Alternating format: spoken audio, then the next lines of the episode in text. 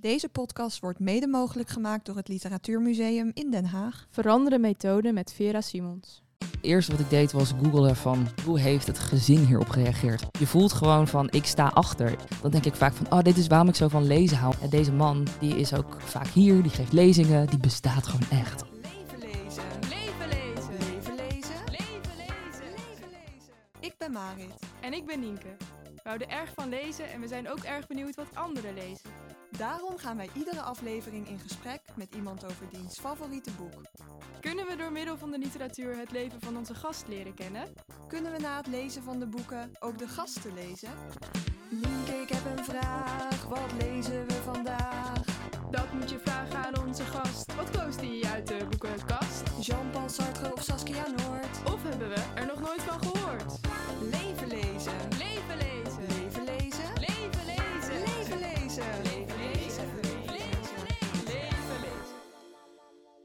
gaan het vandaag hebben over misschien wel de belangrijkste jonge schrijver van dit moment. Ja, hij wordt geroemd omdat hij in Frankrijk een stem geeft aan de sociaal-economisch gezien lagere klasse. Hij komt zelf uit die klasse en heeft er toen alles aan gedaan om in een hoger milieu te komen. Over die tocht van milieu naar milieu heeft hij verschillende boeken geschreven. En dan hebben we het natuurlijk over Edouard Louis. Boekenkasten heeft hij vol verzameld en gelezen om zo intellectueel mogelijk over te komen. Eigenlijk net als Harry Mulisch, die heeft ook boekenkasten vol. Hoe weet je dat? Nou, ik nam net even een kijkje in zijn werkkamer. Ja, ik ging gewoon even naar literatuurmuseum.nl slash literatuurlab. Oh. En toen kon ik alle hoeken en gaten van zijn enorme werkkamer bekijken. Zoals zijn pijpenrek of een cognacglas met in onbruik geraakte sleutels. Interessant. Maar terug naar Eduard. Hij schreef het favoriete boek van radio-dj en podcastmaker Vera Simons, Veranderen Methode. En ze vertelde trouwens dat ze niet alleen dit boek van hem heeft gelezen, maar zijn hele oeuvre heeft verslonden. Ja, want je kunt Edouard Louis eh, ook kennen van Ze hebben mijn vader vermoord. Of bijvoorbeeld Weg met Eddie Belguel. Ik hoop dat ik het nu goed uitspreek. Ehm, en Vera Simons kun je kennen van eh 3FM als radio-dj. Of van haar podcast De Lesbische Liga, die ze samen maakt met Anne-Fleur Schipper. Of als festivalverslaggever op diverse festivals. Ja, ze doet trouwens ook televisieverslag van bijvoorbeeld het Groningse Eurosonic Noorderslag. En ze draait trouwens zelf ook op festivals. En ze doet eigenlijk gewoon heel veel. Ja, op Ze heeft op de radio een nieuw programma met Lowlands, Blokhuis en volgens en mij draait ze ook in Het cafés in Amsterdam tijdens En Pride volgens mij het iedere mandje. zaterdag Hebben we en het al over de lesbische liga 3FM. gehad? Maar luister. Ik luister. Ja, nou, luister. Maar is dat niet dat boek? Welk boek? Dat boek van Sascha Bronwasser. Oh ja, dat boek over die au pair in Parijs. Ja, ze is hier nu niet in de studio en we hebben er geen liedje over, maar we lazen het laatste. Ja, en het is een heel intrigerend verhaal waarin je steeds afvraagt waar het heen gaat en je elk hoofdstuk weer wordt verrast. Het speelt zich af tegen de achtergrond van het Parijs van de jaren 80, waar allemaal aanslagen plaatsvinden. En daarin volgen we personages die te midden van die gebeurtenissen op zoek zijn naar hun identiteit en vriendschap. Maar nu gaan we eerst luisteren naar Vera Simons over veranderen methode van Edouard Louis. Leven lezen. Leven lezen! Leven lezen. Leven lezen! Hallo Vera.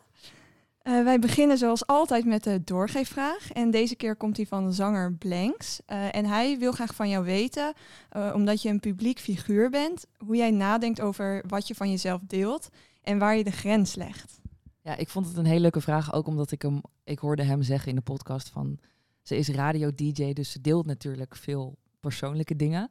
En dat vond ik eigenlijk al heel interessant, omdat ik denk ook als je radio luistert, dan hoor je heel veel persoonlijkheden. Dan weet je heel goed, oh, deze DJ heb ik voor me. Ik heb een beetje het idee hoe diens leven eruit ziet. Ik sta ermee op, ik sta, zit ermee in de file. Ehm, en ik voel me soms een beetje, wat het radiolandschap betreft, misschien ehm, ja, een beetje uitzondering op de regel. En dat zeg ik niet hoogdravend, maar meer van...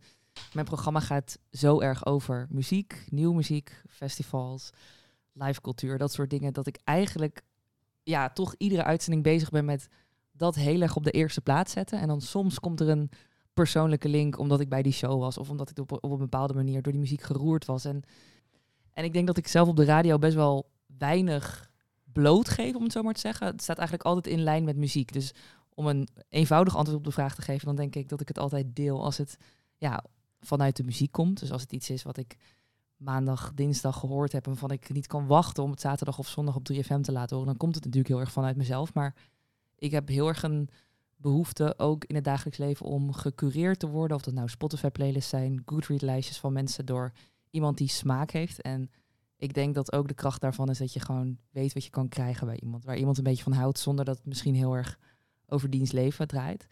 En ik vind het verder wel ingewikkeld, want de lesbische liga is een ander uiterste. Ja, ik wilde dat net is- zeggen, je maakt natuurlijk ook een podcast. Ja. Niet alleen En- dat je op de radio... Die is heel persoonlijk. Dus Ja. daar vergeet ik soms ook wel eens iets, want we doen dit nu drie jaar. En dan komt er soms iemand naar me toe en die begint gewoon tegen mij te praten over iets wat diegene gehoord heeft, dat ik dan uit de boeken heb gedaan. Nou, waarvan ik het eigenlijk al niet meer wist. En dan is Mhm. het heel persoonlijk en dan schrik je soms ineens. Dus ehm, ik denk als het dus inderdaad de muziek ten goede komt, of in de lesbische liga als het gaat om ervaringen delen. Want daar ben ik er wel echt achter gekomen wat het belang is van ja, persoonlijke verhalen en open kunnen zijn. Om andere mensen ook een beetje ja, soms hoop te kunnen geven of een zetje in de. En denk je eh, in de podcast dan soms ook, dit wil ik niet delen? Of is eigenlijk alles wat je meemaakt, vind je dat dat gedeeld mag en moet misschien worden? Nee, en er is ook best wel. Ik, ik doe met Anne Fleur samen ook wel live dingen. Of Mhm. nou, optredens vind ik een groot woord. Of dat we geïnterviewd worden. En dat vind ik altijd ook heel spannend. Omdat als we de liga opnemen, hebben we ook best wel vaak over dingen die ertussen gaan. Of vragen die aan elkaar stellen. Want we, we zijn hele goede vriendinnen. We spreken, we zien elkaar bijna iedere dag. En we hebben best wel vaak.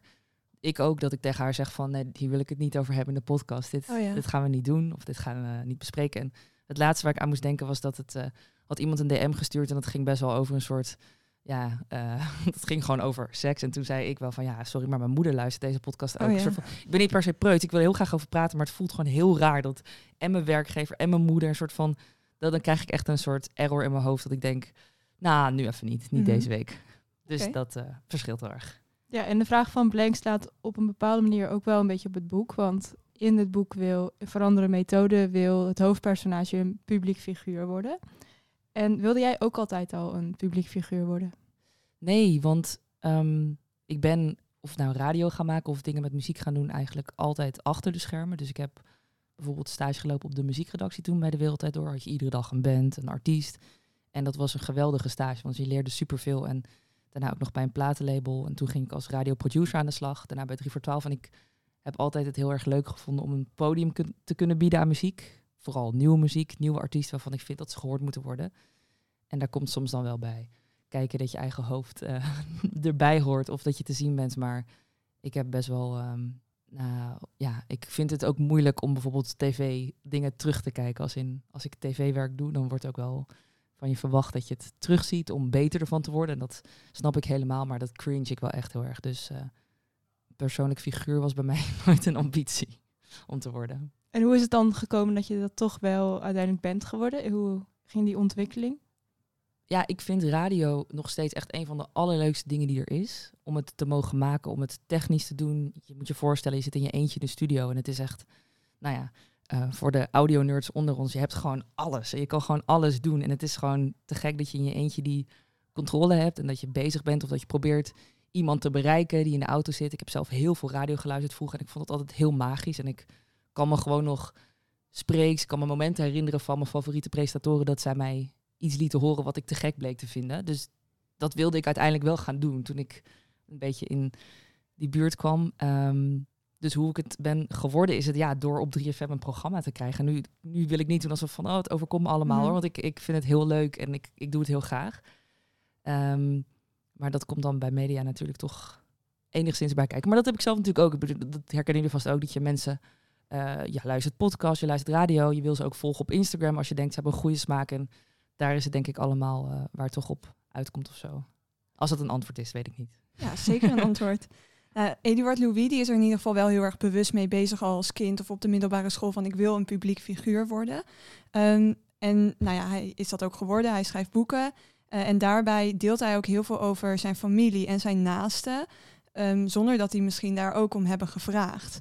Eh, vind jij dat iets bezwaarlijks dat iemand dat in zo'n autobiografisch boek ook schrijft over zijn familie? Ja, ik weet nog dat ik dit boek had gelezen en dat het eerste wat ik deed was googlen van hoe heeft het gezin hierop gereageerd? Want je kan er niet zoveel over vinden, maar er is er volgens mij een Frans artikel waar je zijn moeder best wel beteuterd ook op de bank ziet zitten. En die kan zich natuurlijk niet verweren, die heeft zich niet kunnen verweren en die zegt ook het klopt allemaal niet. En ik denk ook, ja, dit is echt zo'n super interessante discussie van hè, wat je opoffert, wat je laat zien, hoe echt je bent voor de kunst, voor het hoge eh, doel of zo in zijn leven, om het zo maar te zeggen. Maar anderzijds, ik zou er niet aan moeten denken dat je dit allemaal gewoon op straat gooit, publiceert. Ik bedoel, waar we het over hadden van als mensen persoonlijk zijn of eerlijk zijn, dit is natuurlijk wel echt een stap verder, een hele stap verder. Dus ik ehm, moet zeggen, het maakt zijn werk wel daarom zo goed. Maar ehm, ja, ik ben er niet om een soort scheidsrechter over te zijn. En eh, ik denk dat als je zijn werk leest en begrijpt dat je snapt dat hij geen keuze had dan het zo Hmm. op te schrijven en zo ongecensureerd uit te brengen. Dat is natuurlijk ook de, ja, het pijnlijke eraan, wat het zo, wat in ieder geval mij zo raakt. En ben jij zelf daarmee bezig wat je deelt over bijvoorbeeld je familie of over mensen om je heen? Bijvoorbeeld dan in de lesbische liga? Ehm, ja, en ook heel erg op ge- gebied van eh, relaties, wat dan liefde, vriendschappen kunnen zijn. Dat is Mhm. natuurlijk heel erg van. Ik heb het ook wel eens met mijn toenmalige vriendin gehad dat ik een, een zinnetje over haar had gezegd. En dat ze zei van ja, op zich, weet je wel. eh, ik, als het online staat, dan kan ik er niks meer aan doen. Maar Ja. ik zelf heb bijvoorbeeld ehm, praat nu veel in interviews over mijn vader. Die is overleden toen ik acht was. En dat doe ik eigenlijk vooral om die herinnering leven te houden. Dus ik denk dat het ook iets moois kan zijn. En dat ik ook daar weer reacties op krijg van mensen die bijvoorbeeld mijn vader hebben gekend. Of die hebben gezegd van hé, hey, eh, ik weet hoe het voelt. En dan vind ik het dus heel erg mooi om dat te doen. En dat gaat dan over mijn vader. En dat is best wel, nou ja, in een, dat is gewoon in een positief daglicht natuurlijk. Ehm, en dan voelt het ook wel dat je het vertelt om een reden, om het zo maar te zeggen. Ja. Het is niet van dat ik verder heel boeiende dingen heb te vertellen over mijn eh, liefdesleven of familie of wat dan ook. Dus ehm, bij mij blijft het eigenlijk vooral daar een beetje bij. Leven lezen. Leven lezen. Er zijn twee heel duidelijke soorten milieus in het boek. Je hebt eh, een beetje het eenvoudigere milieu waar eh, die vader en die moeder, die had het net al even die, over die moeder, die kijken acht uur lang per dag tv. En je hebt het hogere, ja, socialere mi- milieu, waar klassieke muziek wordt geluisterd s'avonds. Jij komt uit Brabant, als ik het goed heb, en Ja. je woont nu in Amsterdam. Ja. Heb je ook dat je zo'n soort van tweedeling ziet tussen die twee dingen? Of Ja, ik denk, dit boek spreekt mij heel erg aan omdat ik wat hier beschreven wordt en niet één op één, want dat is natuurlijk niet te zeggen over eh, waar hij is opgegroeid, maar de plattelandscultuur en de, eh, ja, hoe in een dorp naar mensen wordt gekeken, hoe mensen daarmee bezig zijn. Dat is iets wat ik altijd ja, heel moeilijk heb gevonden. En ook denk dat een van de redenen is dat ik zelf eh, naar de stad ben gegaan, ben getrokken. Dus heel veel uit dat boek vond ik in bepaalde mate herkenbaar, omdat ik dacht, ik heb me ook vaak gevoeld, nu klinkt het heel erg how can I make it about me, maar dat je vastzit en dat je weg moet gaan om verder te kunnen gaan. Ik ben me heel erg van bewust als je dit zo uitspreekt of zegt, of iemand uit een dorp luistert die denkt, wat een arrogante vrouw, waarom praat ze zo? Maar bijvoorbeeld over uit de kast komen en hoe hij gewoon als nou, de gay in the village, dat klinkt nog aardig, hoe hij wordt gezien en besproken. Je voelt gewoon van, ik sta achter. Ik kan niks meer doen om een schone lei, een soort van om likable te worden. Ik, ik heb geen keuze. En dat eh, in bepaalde mate vond ik dus pijnlijk herkenbaar. En ja, dat er wel voor mij een groot verschil zit over in, in, in leven, dagelijks leven in de stad versus eh, het platteland. En hoe was dat dan toen je naar Amsterdam ging? Ehm, ja, ik heb op veel plekken gewoond. Ik heb Breda, Tilburg, Rotterdam, overal nog tussenstops gemaakt, om het zo maar te zeggen. Maar voor mij was het een, wel een soort keerpunt. Dat ik was net 17 en toen ging ik op kamers in Tilburg. Toen ging ik journalistiek studeren. En daar ontmoette ik heel veel nieuwe mensen, nieuwe vrienden die ik daar maakte van eh, de opleiding. En daar voelde ik wel meer gelijkgestemden. Maar ik denk dat dat voor heel veel mensen herkenbaar is hoor. Dat je een studie gaat doen. En dan kun je gewoon je interesse gaan volgen en dan sluiten mensen daarbij aan. Maar voor mij was het wel heel snel duidelijk van ik wil graag op kamers. En niks ten nadele van de familie, het gezin waar ik vandaan kom, totaal niet. Maar ik dacht wel om verder te kunnen gaan, of in ieder geval te weten wat ik nog allemaal wil of wie ik ben, klinkt heel zweverig, wil ik wel graag de, de stad in. En wat is nu je relatie met de plek waar je vandaan komt? Met Brabant of het dorp waar je bent geboren? Hoe is het om daar nu terug te zijn? Ja, dat vind ik dus heel interessant, want dat vind ik in het boek zo goed, dat het ehm, heel pijnlijk is, maar ook iets waar je soms nog naar terug verlangt op een bepaalde manier. Van het is niet zo afgeschreven van fuck jullie allemaal, middelvingers in de lucht. Ik schrijf het allemaal op en jullie kunnen mij niks schelen. Want dat vind ik het mooie eraan. Het kan hem nog steeds heel veel schelen natuurlijk. Het, het is je familie, je bent ermee opgegroeid. Je krijgt heel veel flashbacks nog ervan. Dat is natuurlijk niet bij mij het geval. Maar wat ik zelf heel erg had is, nou ja, we zitten hier nu een paar dagen na de verkiezingsuitslag. En toen keek ik in Zundert, waar gewoon massaal PVV is gestemd, VVD, NSC, BBB. En toen dacht ik wel, ik kom echt uit een, hoe zeg je dat aardig? ik kom echt uit een stom racistisch boerendorp. Dus Aardig. ja, heel aardig toch? Nou ja, het grote deel wil ik daarmee zeggen, want dat zegt het stemgedrag, vind ik. Als je PVV stemt, dan nou, moet je misschien toch nog heel even heroverwegen hoe je naar de wereld kijkt.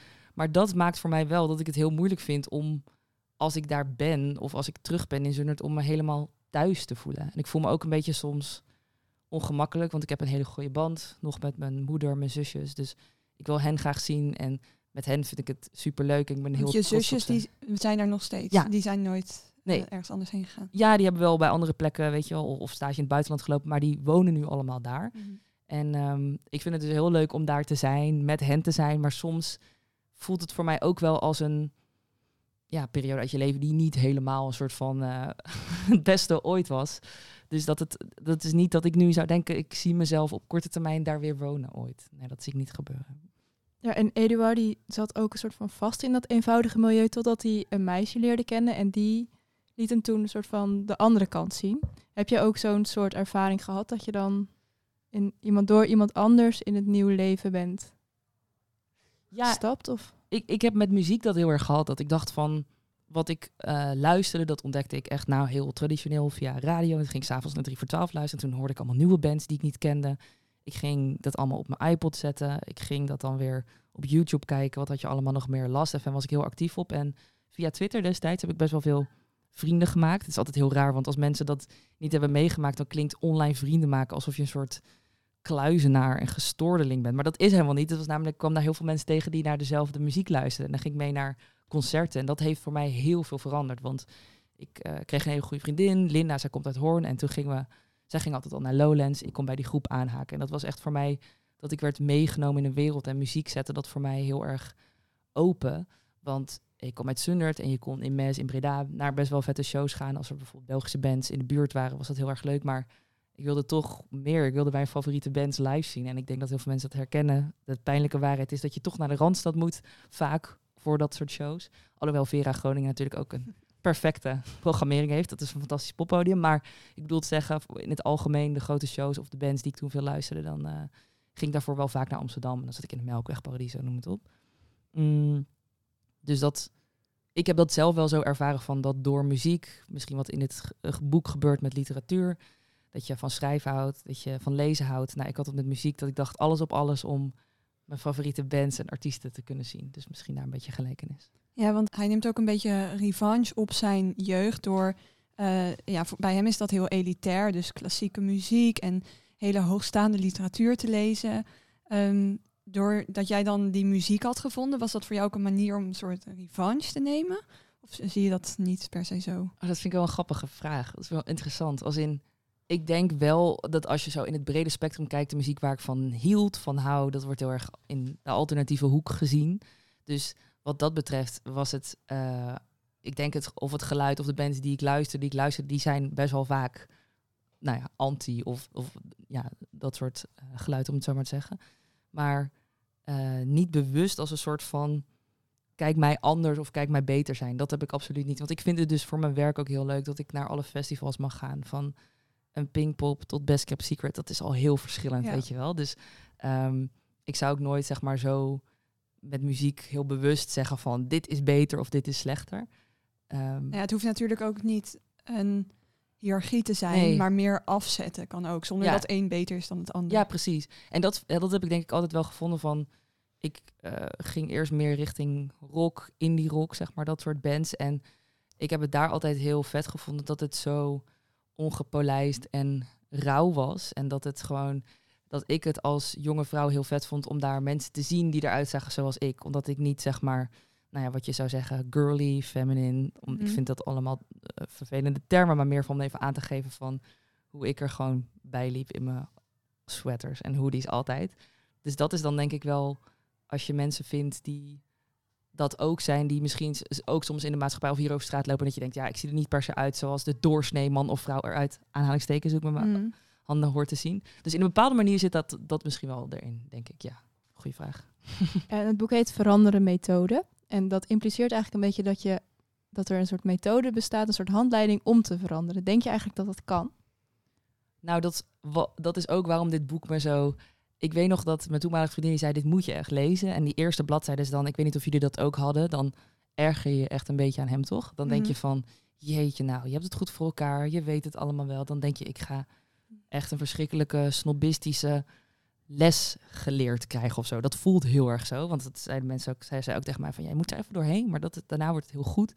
Ehm, dus ik geloof ook niet dat dat bestaat, dat dat er is. Maar ik denk wel dat als je, dat zie ik ook om mij heen, daar heb ik heel veel bewondering voor, voor mensen die dat veel beter kunnen dan ik. Dat als je iets heel graag wil bereiken, dat je zo gericht op die doelen afgaat. En dat je in zijn geval bereid bent om daar vriendschappen, ook echte vriendschappen voor op te geven. Ja, dat zou ik zelf dus gewoon nooit kunnen. Omdat ik denk dat het uiteindelijk, wat je ook wel leest, heel eenzaam is. En dat je je afvraagt, wat is echt, wie zijn eh, de mensen die echt dicht bij me staan. Dus nee, ik geloof niet dat daar een goede universele handleiding voor is. Leven lezen. Leven lezen. Leven lezen. Leven lezen. Leven lezen. Ja, zoals we net ook al even eh, erover hadden gehad, is Eduard Louis in zijn tienerjaren echt bezeten van lezen. En hij zegt ook dat hij niet leest omdat hij het leuk vindt, maar eh, omdat hij echt eh, ja, kennis wil vergaren. Mhm. En hij wil echt tot die elite behoren. Ehm, en er zijn natuurlijk heel veel verschillende redenen waarom mensen lezen. Ehm, nou, waarom lees jij? Heb je, wat is de belangrijkste reden om te lezen voor jou? Ja, ik weet dat het heel cliché gaat klinken. Jullie hebben dit vast vaker gehoord in je podcast. Maar dat je dus echt hier in mijn geval in een, in een klein huisje in, eh, in de stad op de bank zit. En dat je een, een drukke dag hebt gehad. Veel indrukken, veel mensen. En dat je denkt van nou... En dat je gewoon zo met een pagina in een andere wereld stapt. En dat je echt gewoon dat voor je ziet zo beeldend. Dat is natuurlijk ook de kracht. Want dat heb je zo vaak... Dit hebben jullie ook vaker gehoord. Maar dat je in films... eh, weet je wel, vind ik het altijd heel, kan het heel cringe worden als je iemands gedachten ziet of leest of nou niet dus leest. Dat bijvoorbeeld met een voice-over dat gedaan is of noem maar op. Ik hou heel erg van films kijken, maar dan denk ik vaak van, oh, dit is waarom ik zo van lezen hou, omdat ik echt in alles word bij een goed boek, want daar hou ik heel erg van als het gewoon zo persoonlijk is dat ik met alles word meegenomen en het gevoel dat ook die fucked op gedachten die je hebt of de dingen die je hebt meegemaakt en die je best wel misschien ehm, ja, waarvan je hebt gedacht, oké, ik vond dat heel vervelend, maar blijkbaar ben ik de enige die dit ooit heeft meegemaakt of die hier nog, weet je wel, een vervelend gevoel aan over heeft gehouden. Ik moet door. Ik denk dat dat lezen voor mij, eh, behalve dat het zo'n ander leven is waar je binnenstapt, dat het ook een beetje, ehm, dat het geruststellend kan zijn of zo, op een bepaalde manier. Ik heb wel met veel boeken die ik lees, dat het een ja, troost geeft, maar dat klinkt alsof ik echt zwaar in de put zit. Dat bedoel ik helemaal niet te zeggen. Maar meer een vorm van herkenning. Ja, ja. Is dat ook de reden dat je nu eh, dit boek hebt gekozen? Ja, Voor de herkenning? Ja, 100%. Want ik was echt obsessief met hem en ik dacht, wie is die schrijver? Ik had het wel eens voorbij zien komen online. En nogmaals, toen het uitkwam, heb ik het heel snel in het Nederlands gelezen. En ging ik hem de hele tijd googlen. En toen heb ik de rest van zijn boeken gekocht. Want ik dacht, ik wil zijn leven snappen. En ik wil ook begrijpen hoe dit is gegaan. En wat ik ook eerder zei, van hoe heeft zijn familie hierop gereageerd? Het zet weer allemaal vragen aan je aan het denken. En eh, dat vind ik ook het mooie ervan. Van, ik lees eigenlijk heel veel nieuw. Niet veel oude, oudere boeken. Dus veel wat nu wordt uitgebracht, wat zich nu afspeelt, om het zo maar te zeggen. En dat vind ik hier zo cool. En dat ik denk, ja, deze man, die is ook vaak hier, die geeft lezingen, die bestaat gewoon echt. Terwijl mijn hoofd hij best wel een soort mythisch figuur. Niet dat ik hem aanbid. En dan, denk, dan zie ik foto's en denk ik, oh, ik vind hem ook wel gewoon een knappe man. Nou, wat leuk. Weet je, een soort van, ik ga dan helemaal, dan heb ik gewoon een, een, een half jaar gehad dat ik eh, een obsessie voor hem, een gezonde obsessie voor hem heb gehad. Dus dat is ook wat het met zich meebrengt. En is dat autobiografische ook dan wat je daarin aanspreekt? Of Ja. ja, want ik vind dat dus. Misschien ben ik er onbewust een soort van naar op zoek. Ik heb ook dat boek van Alma Matthijs. Oh, ik kom even niet op de titel. Het laatste boek van die vakantie. Vergeten mij. Nee. we waren de zomer? Ja. En dat, toen dan zat ik ook echt met tranen in mijn ogen. Dat ik dacht, hoe zij die gevoelens, die gedachten heeft omschreven. Hoe zij, wat ik dan heel erg herkende in het verlies van mijn vader. En zij weer op een heel andere manier. Dan zit er toch een soort herkenning en troost in. En dat blijft me dan heel erg bij. En dan ook als ik haar bijvoorbeeld in het echt ergens zie lopen, denk ik. Ja, je hebt echt een mooi boek geschreven. Dan ben ik wel te verlegen om het te zeggen. Maar dan denk ik wel van, oh, die mensen die lopen hier gewoon rond. En die maken echt mooie dingen. Dus dat vind ik heel cool. Ja, en Eduard Louis wordt ehm, door velen een beetje beschouwd als de grootste schrijver van Frankrijk op dit moment. Eh, omdat hij een stem geeft aan een beetje de onderklasse, die heel vaak niet wordt gehoord. Eh, heb jij ook een schrijver in Nederland eh, waarvan je zou zeggen dat is echt de stem van Nederland op dit moment? Dit is heel belangrijk. Ja, ik vind het echt een heel moeilijke vraag. En ik durf daar ook gewoon geen antwoord op te geven. Want daarvoor denk ik ten eerste, lees ik niet genoeg.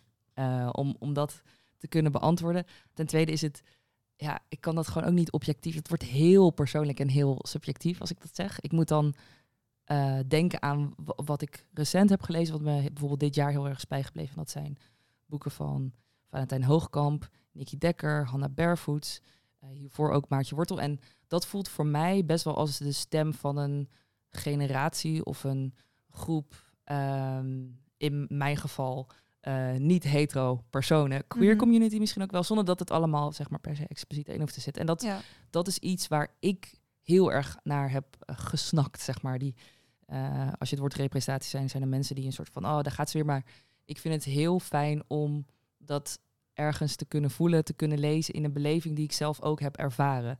Dus als de vraag zou zijn van wat maakt voor jou iemand een, een groot schrijver of uh, dat het beklijft en dat het goed is, denk ik als je kan vangen of kan laten horen hoe, denk ik, een, een groep mensen of een hele generatie is best wel een groot woord. Want als ik denk aan generatie, denk ik bijvoorbeeld aan een dichter als Lieke Marsman, die ik heel scherp vind en die ik ook wat zij tweet en wat zij deelt weer heel goed vind. Dus ik, ik ga nu alle kanten op en nu heb ik allemaal mensen genoemd die ik fantastisch vind.